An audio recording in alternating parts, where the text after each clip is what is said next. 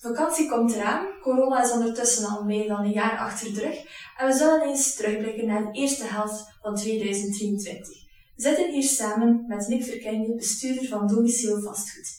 Nick, jij helpt investeerders slimmer gaan investeren, dat klopt? Dat klopt. Uh, ik ben eigenlijk de bestuurder van Domicile Vastgoed Roeselare, midden West-Vlaanderen. Het is zo dat wij uiteraard een vastgoedmakelaar zijn, maar ook nu de laatste twee jaar ons richten op de slimme investeerders mensen die willen uh, verschillende vastgoedtransacties realiseren en die hun eigen patrimonium willen opbouwen. Het is zo dat wij die mensen ook gaan aansturen vanuit ons kantoor, maar ook als uh, deels coach.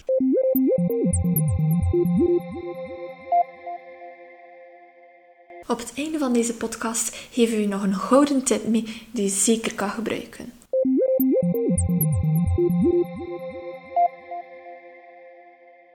Is heel wat veranderd. Vertel eens, hoe staat de vastgoedmarkt er momenteel voor in het algemeen? De vastgoedmarkt is heel wat veranderd, eerlijk gezegd. We hebben twee coronajaren achter de rug. Het was echt booming business, laten we zeggen. En ja, na de energiemarkt, de crisis dus van vorige zomer, is er inderdaad heel wat veranderd. En wat is er precies veranderd? Wel, het is zo dat de energie wel een serieuze impact heeft gehad. De oorlog in Oekraïne maakt er ook een deel van uit. Maar het is ook zo dat op 1 januari 2023 eigenlijk een renovatieverplichting ook is.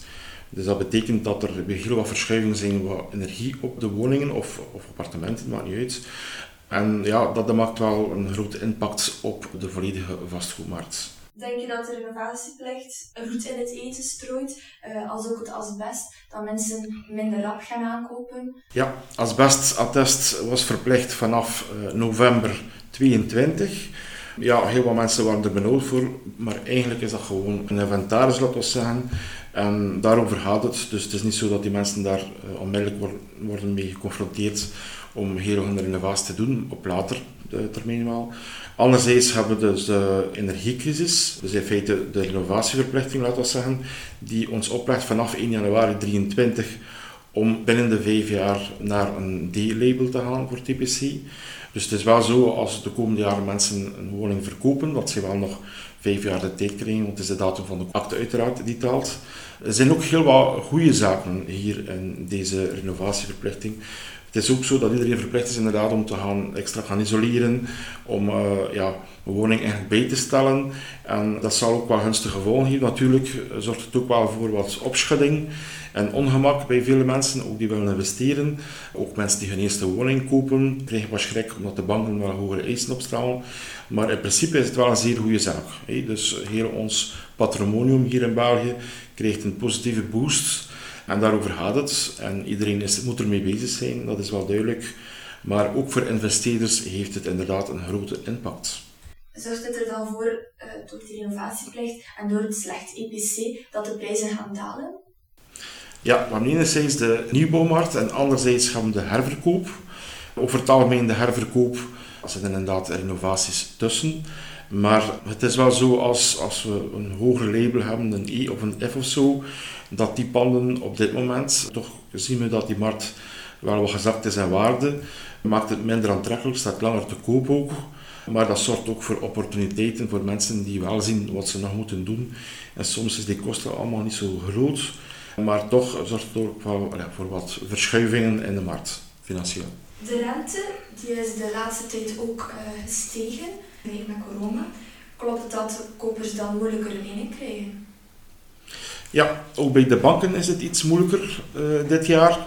Uh, enerzijds door, door het punt dat ik juist aanhaalde en anderzijds ook door de interest die wat hoger is. Dat betekent al snel dat een woning van 200, 250.000, waarop een 200 naar 300 euro duurder wordt om af te betalen voor deze mensen. Dus dat zorgt ook wel dat jongere mensen of alleenstaande mensen soms wel moeilijk hebben om een bepaalde woning te kunnen afbetalen. Dus dat zorgt wel dat het niet zo gemakkelijk is. Dat klopt. Nu weet ook dat interestvoet op, op heden 3,5 naar 4 procent is.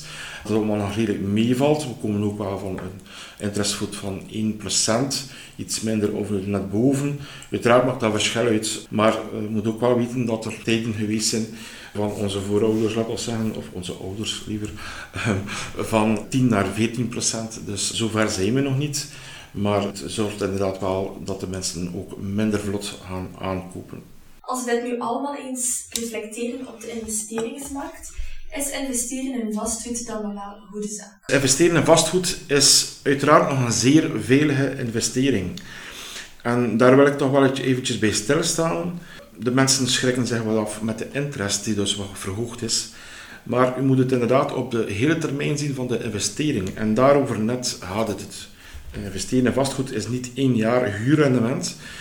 We moeten weten eerst en vooral dat de indexering ongeveer 2 tot 2,5% per jaar gemiddeld erbij komt. Dat betekent dat de waarde van het vastgoed stijgt. We moeten dan ook nog rekening mee houden met de verhuring zelf. Dus de verhuring stijgt ook geleidelijk aan. Ja, dan kan men inderdaad die huur gaan indexeren, dat is ook een belangrijke factor. Maar vooral wat er zeer belangrijk is, is eigenlijk de inbreng van het eigen kapitaal. Dus als we kijken naar wat je erin steekt in deze investering, dan moet je dat ook durven bekijken op 5, 10 en 15 jaar. En dan merken we vlug dat deze investering wel rap een 6, 7, 8 procent zal gaan opbrengen. Daarover gaat het ook. Anderzijds, ook een mooi iets om inderdaad mee te nemen naar investeringsvastgoed, is de hefboomtechniek. Als u je interest betaald hebt en inderdaad enkele jaren gaat eh, afbetaald hebben, dan heb je ook wat extra waarde gecreëerd om dit kapitaal te gebruiken in een hefboom. Dat betekent dat je met deze afbetaalde lening ook aan de slag kunt gaan om een nieuwe investering te doen. Dus uiteindelijk stopt het niet.